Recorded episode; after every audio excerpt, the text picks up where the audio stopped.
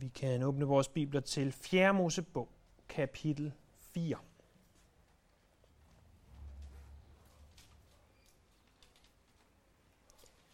Det, der sker i 4. Mosebog, kapitel 4, det er, at Levis stamme, også kaldet levitterne, øh, de skal tælles en gang til. Hvis I husker tilbage til kapitel 3, så blev levitterne talt. Men der var det mændene, der skulle tælles fra en måned og op efter, uanset hvor gamle de var. Alle mænd. Nu er det stadigvæk mænd, men det er alene dem, der er mellem 30 og 50 år, der bliver talt. Det er nemlig dem, som skal gøre tjeneste ved tabernaklet. Der står tre gange i kapitlet i vers 3, 23 og 30, at dem fra 30 år op efter og indtil 50, alle er forpligtet til at udføre arbejde i åbenbaringsteltet. Åbenbaringsteltet er det samme som det, jeg normalt kalder for tabernaklet. De er simpelthen forpligtet til det. Det minder os om det, der stod i slutningen af kapitel 3. Det var, at fordi Gud havde skånet de første fødte i Ægypten, dengang dødsenglen gik igennem landet, så sagde Gud, derfor tilhører alle første fødte mig.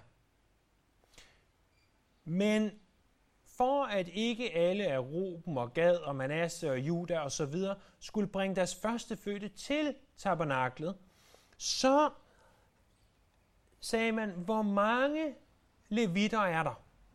Og der var så øh, 22.273 førstefødte, og der var 22.000 levitter. Øh, og de levitter skulle så træde i stedet for de førstefødte af alle de andre stammer. Det talte vi om sidste gang. Det, der er pointen her, det er, at i og med, at de trådte i stedet for de første fødte af de andre stammer, var det altså ikke bare noget, de gjorde for deres egen fornøjelses skyld at tjene ved tabernaklet. Det var rent faktisk noget, de var forpligtet til ved religiøs lov, om vi vil.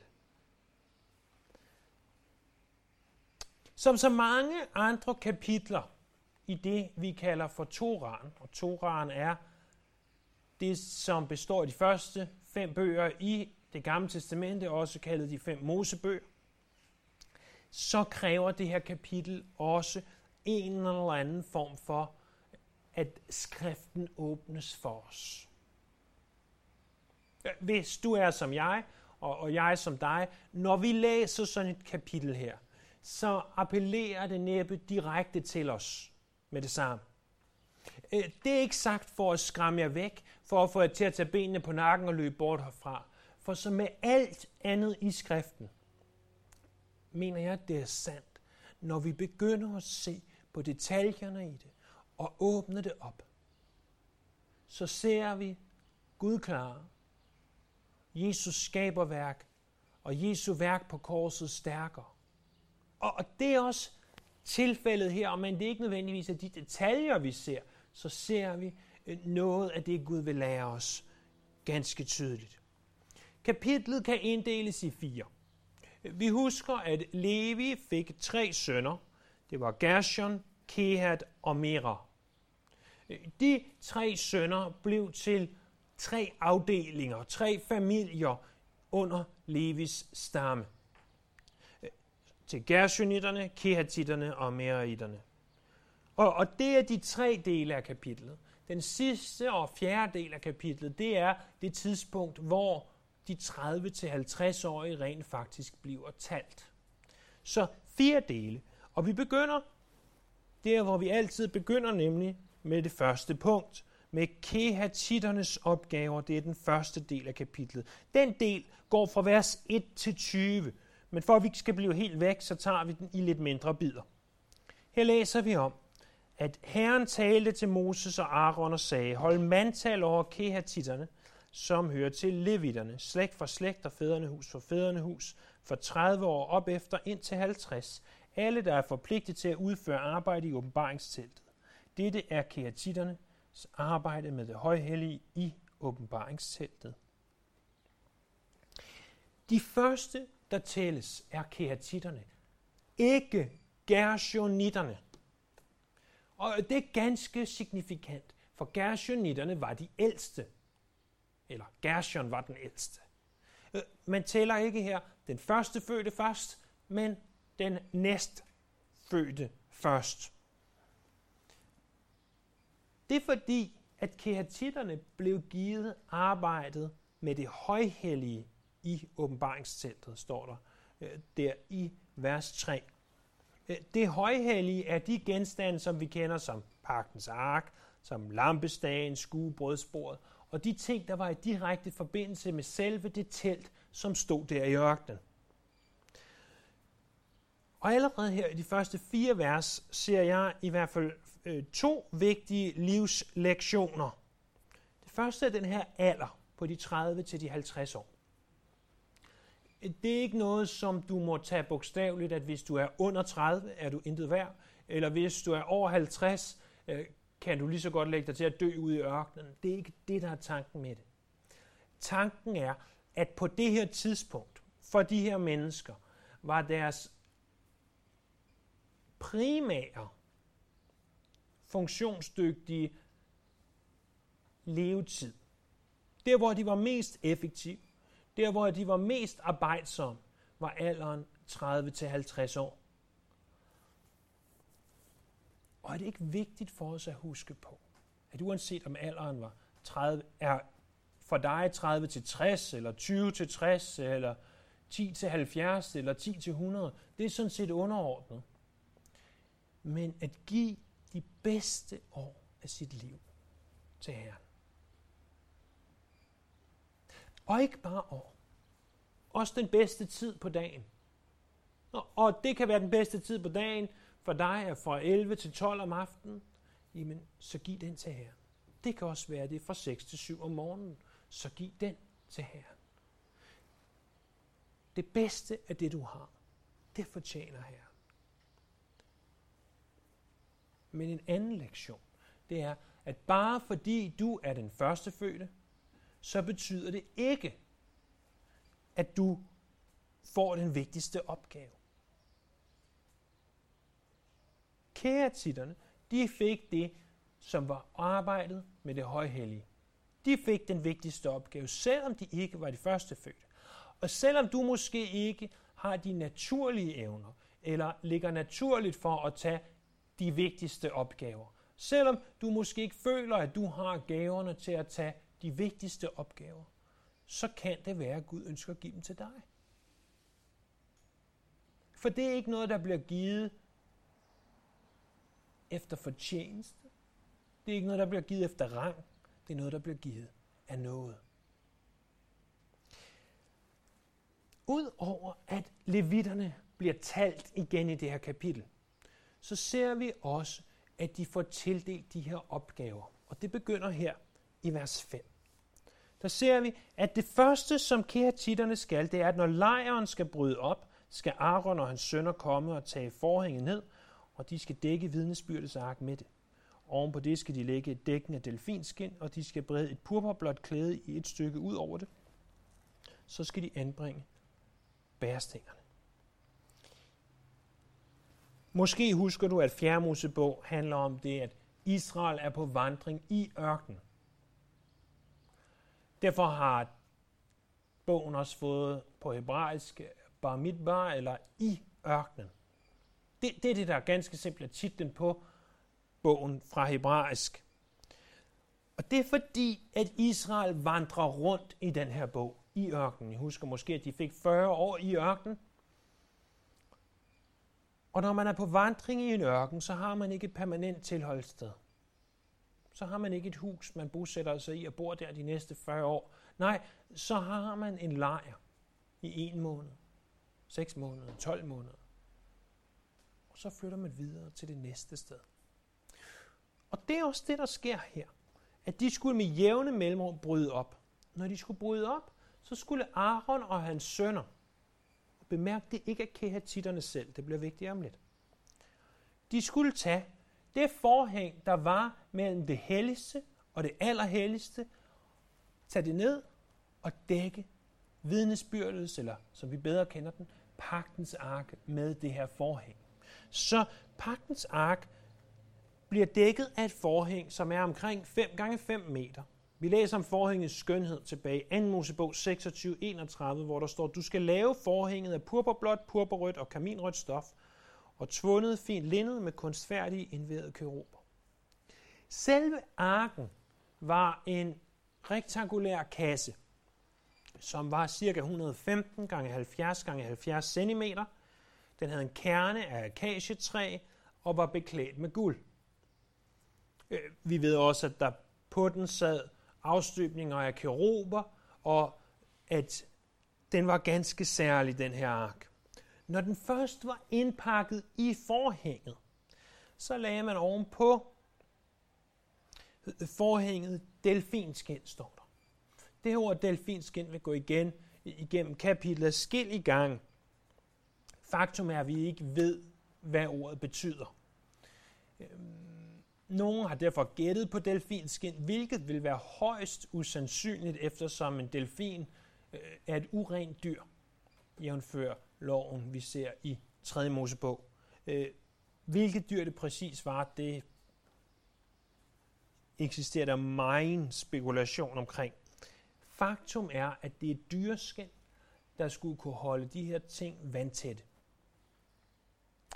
Ovenpå først forhænget, så delfinskinnet, så lægger man et purpurblåt klæde. Det her, det er det eneste, der er viklet ind i blåt. Alle andre ting, alle andre genstande, der indgår blå, men der er blå ikke det yderste, der er delfinskinnet, så kaldt det yderste. Og derfor vidste alle, hvis vi ser noget i lejren, der er indviklet i blåt, hvis vi kan se det blå, så er det altså sagt på godt dansk, hold snitterne bort. Hvis vi rører det der, så er vi toast, så er vi færdige. Så kan vi lige så godt ikke bare lægge os til at dø, men bede vores familiemedlemmer om at samle vores afbrændte knogler op et eller andet sted i ørkenen og begrave dem.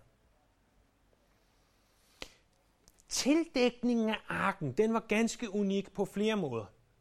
Det er den eneste genstand, der bliver dækket med en anden del af tabernaklet.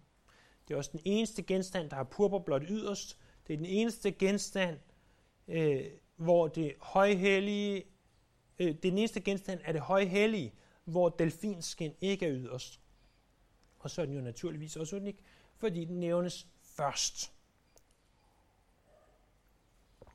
Så det er altså den første ting, de pakker sammen. Den næste ting, de pakker sammen, det ser vi i vers 7 og 8. De skuebrødsbordet, der skal de brede et purpurblåt klæde, og på det skal de stille fadene, skålene, offerskålene, kanderne og drikoffer til lige med det brød, der til stadighed skal ligge frem. Over det skal de brede klæde af kaminrødt stof og lægge et dække af delfinskin over det, og så skal de anbringe bærestængerne. Så det her hellige bord, som vil, hvis du kom ind i tabernaklet, stå på din højre hånd, og have på sig de her 12 skuebrød, som var foran Guds ansigt. Det blev dækket, som der står her, først med purpur blåt, det var altså inderst, så med kaminrødt, og til sidst og yderst delfinskinnet. Mellem det blå og det røde skulle skåle, fade og så videre blive læ- læ- øh, lægges. Det er kun arken og bordet, som har tre lag dække over sig. Så læser vi videre i vers 9-12 om lampestagen, guldalderet og redskaberne. De skal tage purpurblåt klæde og dække lysestagen, eller som jeg kalder den lampestagen, og dens lamper, tænger, fyrbækner, samt alle oliebeholdere, øh, man bruger til den. De skal lægge den af alle redskaberne til den under et dække af delfinskin og anbringe den i bærestolen. Over guldalderet skal de brede et purpurblåt klæde og lægge et dække af delfinskin over det, så skal de anbringe bærestængerne, og de skal tage alle redskaberne, der bruges til tjenesten i helligdommen, og lægge dem i et purpurblåt klæde og lægge et dække af delfinskin over dem og anbringe dem i bærestolen. Så de næste tre genstande, det er for det første lampestagen, eller menoran, eller den syvarmede lysestage, som er den her lampestage, der stod til venstre, når du kom ind i tabernaklet. Den havde syv lamper. Den skulle mere eller mindre i hvert fald kontinuerligt brænde. Det anden, den anden genstand er guldalteret, eller vi kender det måske bedre som røgelsesofferalteret, der stod lige for, når du kom ind i tabernaklet. Og det sidste, der nævnes, er de her diverse redskaber. De her tre grupper af genstande, de skulle alle først dækkes med blåt, og siden med delfinskin. Og så skulle både øh, lamperne, stagen og redskaberne, de skulle placeres i sådan en bærestol. Det var, så vidt vi forstår det, en eller anden dertil indrettet ramme eller kasse eller noget af den stil, som man kunne sætte det op i, således at det var nemmere at transportere. Så, så se, her bliver de altså givet de her opgaver. De får at vide, hvordan de skal pakke tingene sammen, inden de skal bære det. Vi ser videre, hvad det er, de skal gøre med, med brændofferalteret i vers 13 og 14. De skal fjerne fedtasken fra alteret og brede et purpurrødt klæde over det. På det skal de lægge alle de redskaber, som bruges til tjenesten. Fyrbækkenen, gaflerne, skålene og stænkeskålene, alle redskaber til alteret. Og over det hele skal de brede dækken af delfinskin, så skal de anbringe bærestængerne. Det er altså den sidste af de genstande, som de skulle pakke ned. Det var altså brandofferalteret. Så er der aske i det, og det opstod som et resultat af selvfølgelig de ofringer, der er foretaget, og den skulle fjernes. Så bliver den dækket med et purpurrødt klæde. Og uden vi måske skal lægge alt for meget i det, så er det interessant, at Jesus bar en lilla rødlig kappe den dag, han var på vej til korset. Læg det i det, du vil. Men det er da i hvert fald interessant, at det her brandofferalter, hvorpå de skaffede øh, soning, øh, blev dækket med et rødt klæde. Så blev redskaberne placeret, og til sidst yderst det her dyre delfinskin.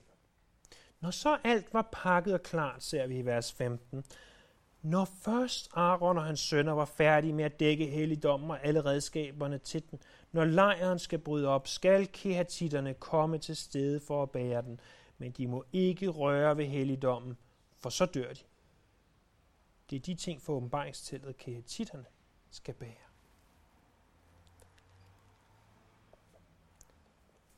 Bemærk, at det slet ikke var kehatitterne, der pakkede det hele sammen. Kehatitterne skulle alene bære. Det var Aaron og præsternes opgave at pakke hele tabernaklet. Og først når det stod indviklet i purpurblåt og pur og kaminrødt og delfinskin og hvad der ellers er. Når det stod de her forskellige pakker klar til at blive transporteret, så kunne keratitterne komme. De måtte ikke engang nærme sig, før det var klart.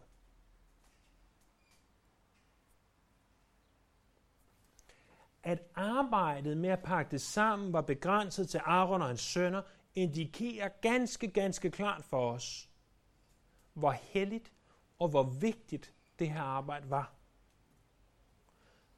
Det er en påmindelse om, at de befandt sig i Guds nærhed. Det er en påmindelse om, at hvis de rørte det, hvis de ikke behandlede det med respekt, så skulle de lide døden.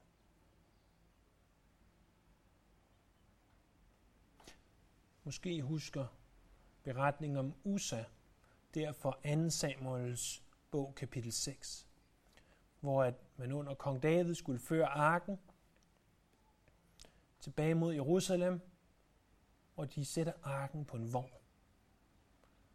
Men andet sted i det gamle testamente har de fået at vide, I skal ikke køre arken på en vogn, I skal bære den. Og de behandlede ikke arken med respekt. Og derfor, da pludselig oksen for vognen snubler, rækker Usa ud for at beskytte arken, således den ikke falder af. Og for den handling slår Gud Usa ihjel. Usa, som ellers gjorde noget ud af et godt motiv, bliver udslettet, fordi han ikke behandler arken med respekt. Og det er det, som de skal lære her. Behandle det, som er helligt, med respekt. Måske vi også kunne lære noget af det. Måske vi kunne lære at behandle vores bibler med respekt.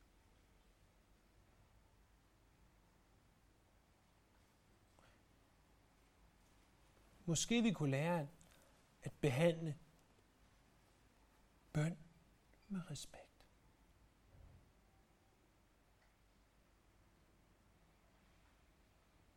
Og andre dele af det kristne liv, som behøver respekt.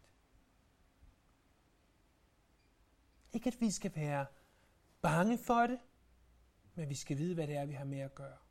Når vi sætter os ned og åbner vores bibler, så er det Guds ord.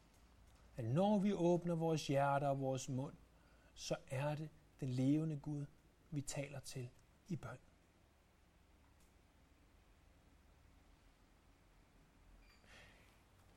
I mine øjne, og med min forståelse, så betyder det naturligvis ikke, at vi ikke kan komme til Gud i shorts og t-shirt. Det er der nogle kristne, der mener. De mener, at hvis du skal komme ind i Guds nærhed, må du have jakkesæt og slips på. Og respekt for det. Jeg mener, det handler om dit hjertes indstilling først og fremmest. Det er min klare overbevisning, min klare holdning, min øh, tolkning af skriften, dit hjerte må have den rette indstilling. Og om du læser din bibel med en lommelygte under dynen, eller om du læser den i dit lønkammer på din knæ. Det er i princippet underordnet, så længe du behandler det med respekt. Det kunne være at give Gud det bedste af din tid. Det kunne være at give Gud den del af din dag, hvor du er klarest i dine tanker. Men det er respektløst ikke at høre fra Gud. Ikke at åbne sin Bibel. Og selvom vi åbner vores bibler, så kan det også være respektløst. Læs Bibelen, kig på Facebook, kig på Facebook, kig på Facebook, læs lidt i Bibelen, kig på Facebook. Og jeg tror, vi alle kan blive grebet af andre ting, i det vi egentlig foregiver at sidde og kommunikere med Gud.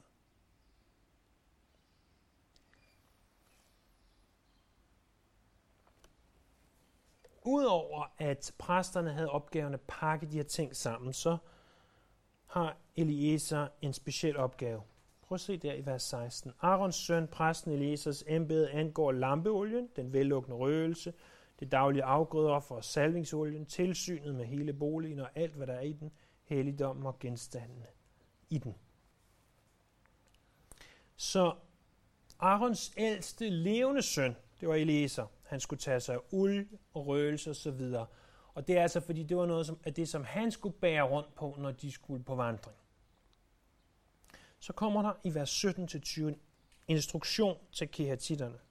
Han talte til Moses og Aaron og sagde, Sørg for, at kehatitternes slægter stamme ikke bliver udryddet blandt levitterne. Sådan skal I gøre, så de kan bevare livet og ikke dø, når de nærmer sig det højhellige. Aaron og hans sønner skal komme til stede og sætte hver enkelt til sit arbejde med at bære, men keatitterne må ikke et øjeblik være til stede og se det hellige, for så skal de dø.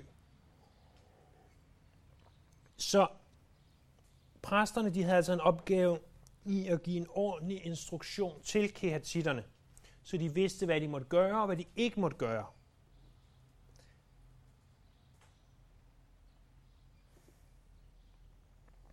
Til trods for, at kehatitterne de havde den vigtigste opgave, så synes jeg, det er ganske bemærkelsesværdigt, at de kun fik lov til at se indpakningen. Forestil jer der juleaften at alle sidder og pakker deres gaver op, og en så siger til dig, jeg har en gave til dig. Det er den bedste af alle gaverne. Det er den mest fantastiske. i pris og værdi for dig overstiger den langt, langt, langt alle de andre gaver. Og du sidder der og skal lige til at pakke op. Men din onkel siger så til dig, nej, du får ikke lov at pakke den op. Den gave skal forblive i indpakningen.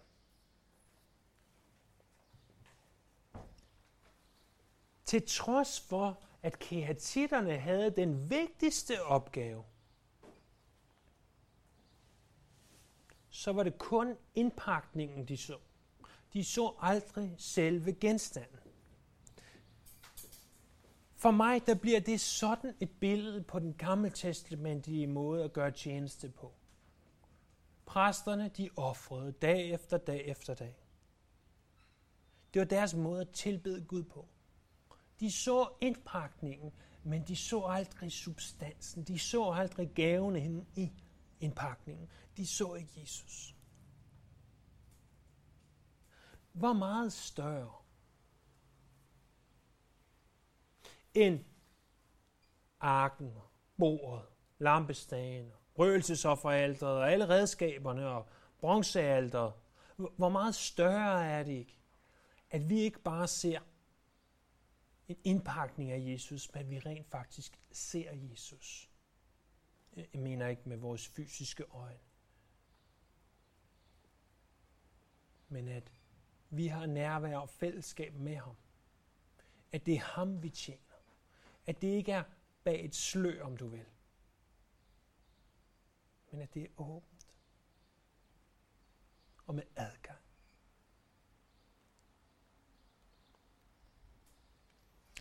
Det var keratitternes opgave.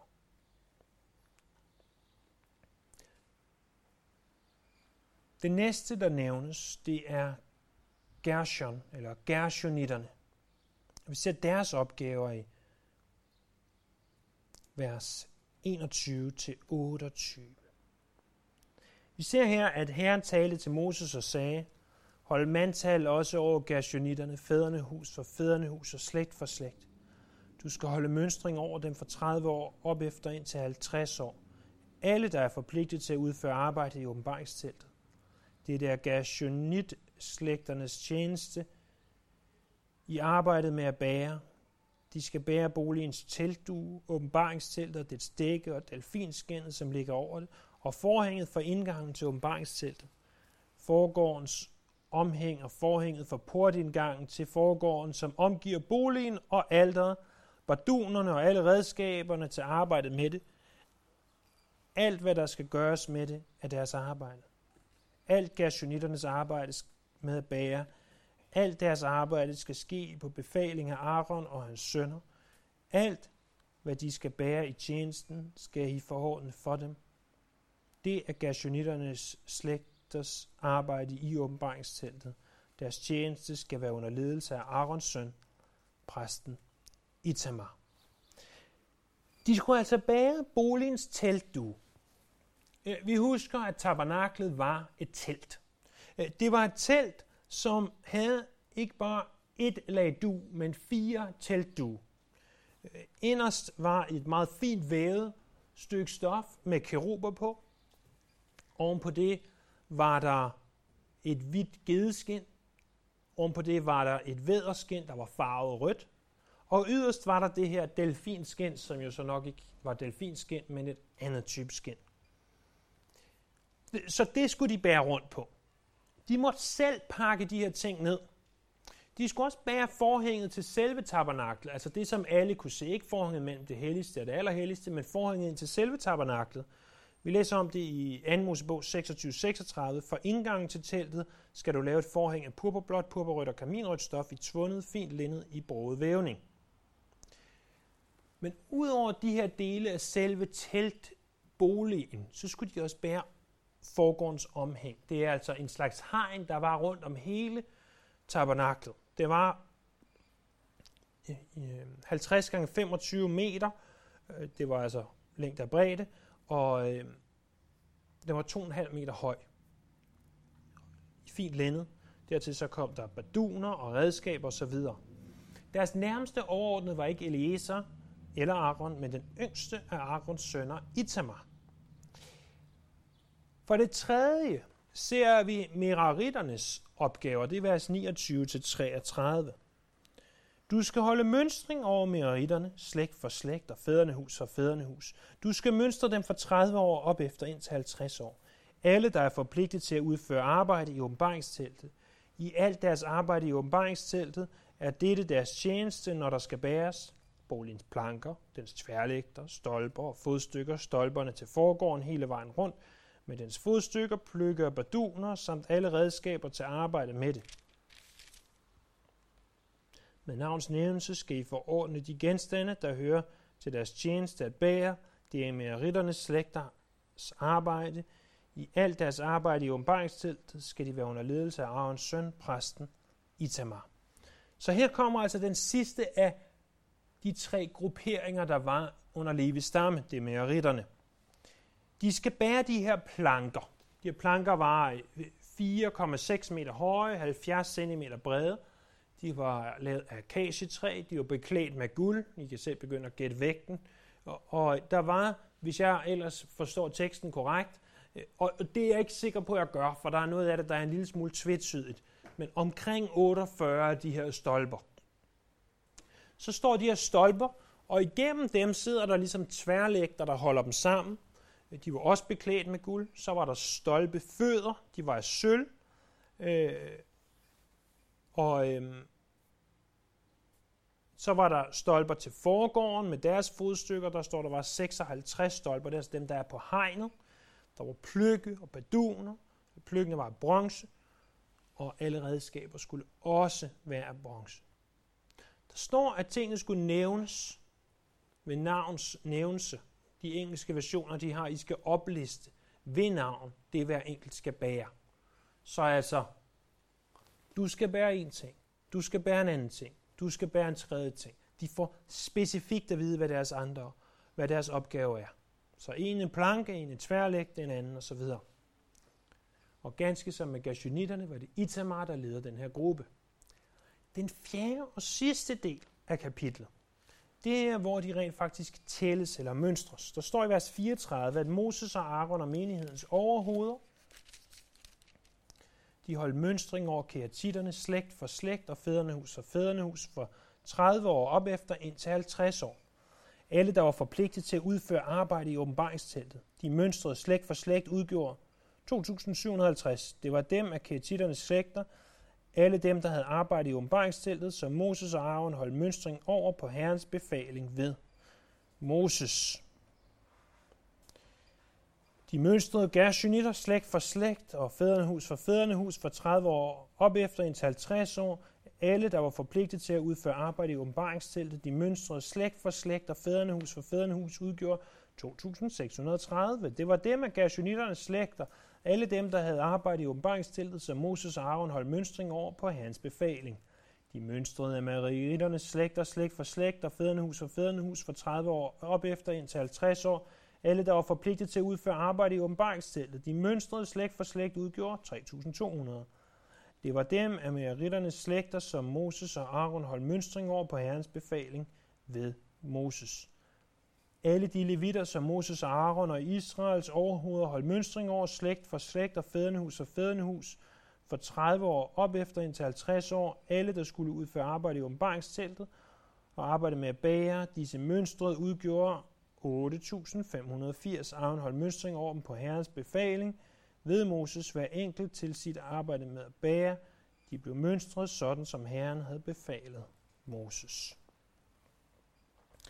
Så med andre ord, de keatitter, der var imellem 30 og 50 år, det var i alt 2.750. Og ud af det samlede antal mænd, der var det altså lige under en tredjedel. De Gershonitter, der var mellem 30 og 50 år, de udgjorde 2.630. Og ud af det samlede antal mænd på 7.500, altså mænd, der var Levis stamme, der var Gershons familie, der er det lige over en tredjedel. Men mere ritterne, der udgjorde 3.200, ud af det samlede antal på 6.200, udgjorde de arbejdsdygtige altså lige over halvdelen. Og det er sådan set kapitlet. Det er det, der står. Det, det er det, som, som teksten er. Men jeg har lige et par ting her til sidst. Om fire kapitler, og i kapitel 8, der lærer vi, hvordan alle levitterne skulle renses med vand og barbering. Og at alle blev renset på samme måde, uanset om deres familie var Gershon, Kehat eller mere. Alle blev renset på samme måde. Alle var, om du vil, lige rene. Man må antage, at, at hvis, hvis hver af os gik ned i vand og var der lige lang tid, og skrubbede os på nok det samme måde, så vil hver af os være lige rene, sådan mere eller mindre i hvert fald. Og der er jo naturligvis ikke tale om fysisk renhed her. Der er tale om en symbolsk åndelig renhed, som de alle sammen gennemgår. De bliver barberet, og de bliver renset. Men til trods for, at de var lige rene, til trods for, at de var lige hellige, om du vil, så blev de alligevel givet forskellige opgaver. Så det er vigtigt at indse, at selvom der var forskel i levitternes opgaver, selvom vi kan sige, at kehatitterne fik den vigtigste opgave, så betyder det ikke, at kehatitterne var mere rene eller bedre end nogle af de andre. Og, og det er jo ganske vigtigt for os. Når vi sidder og ser på andre kristne og tænker, de har en vigtigere opgave, end jeg har. Men det betyder ikke, at de er bedre kristne, hvis vi kan bruge det udtryk. Det betyder ikke, at, at de er mere hellige i Guds øjne, eller bedre i Guds øjne. Der er ingen forskel. Der er fuldstændig lighed. Det er Gud, der bestemmer opgaven. Men det er også vigtigt at forstå, at der er altså opgaver, der er vigtigere end andre. Der, der er bare nogle opgaver, som, ja, som bliver vigtigere end andre. Og det er bare fordi, at Gud han vil det sådan. Den anden ting, vi kan se, det er, at ordet det at bære noget. Det fremkommer i hvert fald 11 gange i kapitlet. Bare fordi man var levit. Bare fordi man ikke skulle ud og vogte for og gravhuller og hvad man ellers skulle. Så betød det altså ikke, at det var nogen dans på roser at være levit. Det var ganske, ganske hårdt arbejde. Paulus skrev om sin egen tjeneste, brødre, I husker jo vores slid og møje. Vi arbejdede nat og dag, for ikke at lægge nogen af jer til byrde, mens vi prædikede Guds evangelium for jer.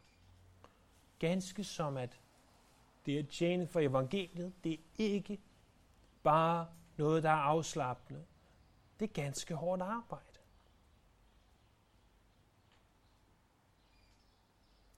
Den tredje og sidste ting, det er, at der var forskellige byrder, der kunne bæres. Kreatitterne, de skulle ikke bære plankerne. Det var ganske givet til Meras sønner. Det var endda så givet, så at, at den ene merit fik at vide, du skal bære planke nummer 7. Og en anden fik at vide, du skal bære tværlægte nummer 4. Så specifikt var det. Men hvis en kehatit gik hen og sagde, jeg hjælper dig lige med en planke, så var det forkert.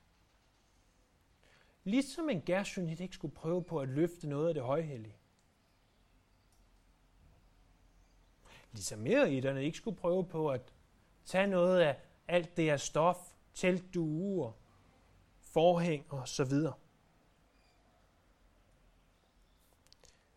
Om det her, der har den gode gamle Spurgeon noget ganske, ganske klogt at sige. Og jeg citerer.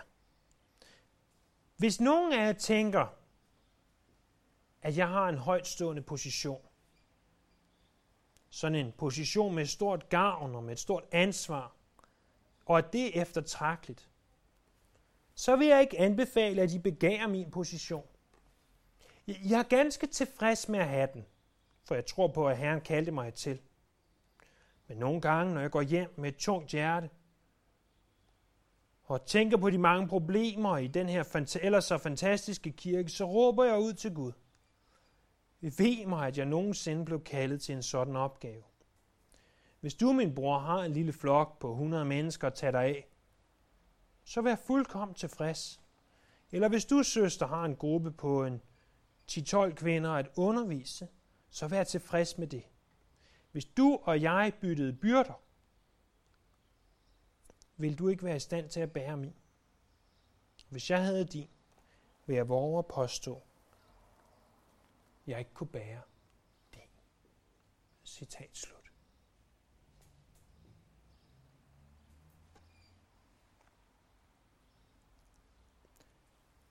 For mig personligt, så var der, så var der en gang i mit liv, hvor jeg troede, jeg var typen, der var kaldet til at bære arken. Det, det var næsten så, at jeg hver dag sad og så på min telefon, og ventede på, at Chuck Smith ringede og spurgte, hvornår jeg ville overtage Calvary Chapel Costa Mesa for Det er lidt karikeret. Men ikke 100% utroværdigt. At jeg tror, hver af os er nødt til at indse, hvad vores plads er.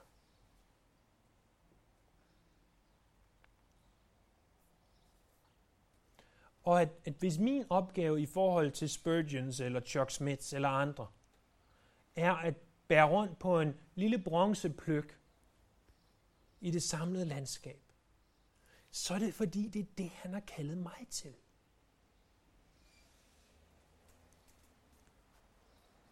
Så er det fordi, det er der, han tænker, jeg passer bedst ind.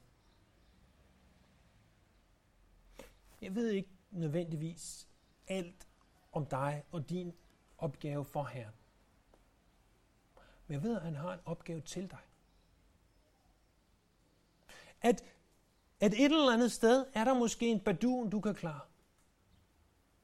Eller en teltdu. Eller en planke. Eller måske en dag noget af det højhellige. Og hvis han har skabt dig med det formål at bære rundt på arken, så lad være med at tro, at du skal bære rundt på planker og baduner og teltdu.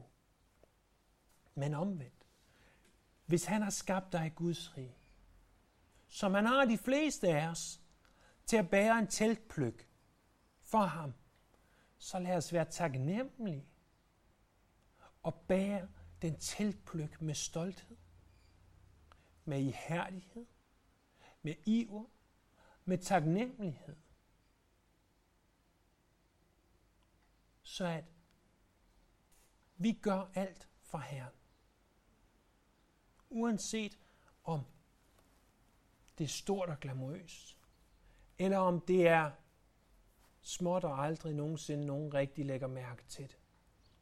For det er den form for tjeneste, Gud har behag At uanset om vi gør noget, der i hvert fald i menneskers øjne er stort eller småt, at vi så gør det af hjertet. Og det er, tror jeg, den primære lektion til os her i 4. Mosebog kapitel 4. Lad os bede. Himmelske Far, tak for påmindelsen om, at uanset om vi er ritter, gershonitter eller kertitter, så har du en opgave til os. Og må vi være tro i det små her. Må vi være tro i den opgave, som du giver os. At vi må tjene dig og dit rige. Amen.